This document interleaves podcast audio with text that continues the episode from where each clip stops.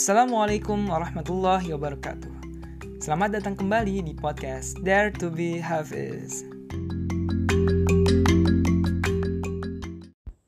أعوذ بالله من الشيطان الرجيم يا أيها الذين آمنوا لا تبطلوا صدقاتكم بالمن والأذى كالذي كالذي ينفق ماله رئاء الناس ولا يؤمن بالله واليوم الآخر.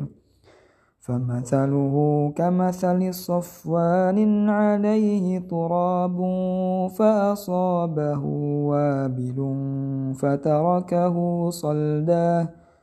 لا يقدرون على شيء مما كسبوا والله لا يهدي القوم الكافرين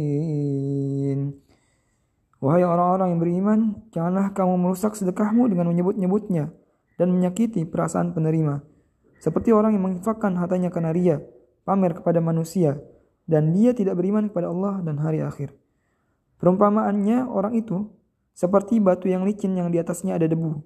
Kemudian batu itu ditimpa hujan lebat, maka tinggallah batu itu licin lagi.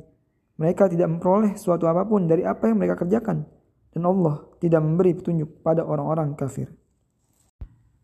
Oke, kali ini udah sampai pembahasan ke-7 YAA, yaitu Quran Surat Al-Baqarah ayat 264. Ini masih di rangkaian ayat-ayat tentang infak.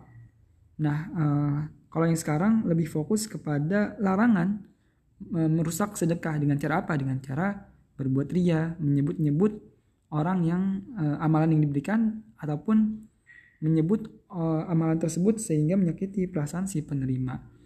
Nah, di sini juga udah ada perumpamaan yang benar-benar jelas banget. Jadi intinya ya ketika kita berinfak gitu ya. Jangan sampai kita berbuat ria, jangan sampai akhirnya menyakiti perasaan si penerima. Gitu aja. Wassalamualaikum warahmatullahi wabarakatuh.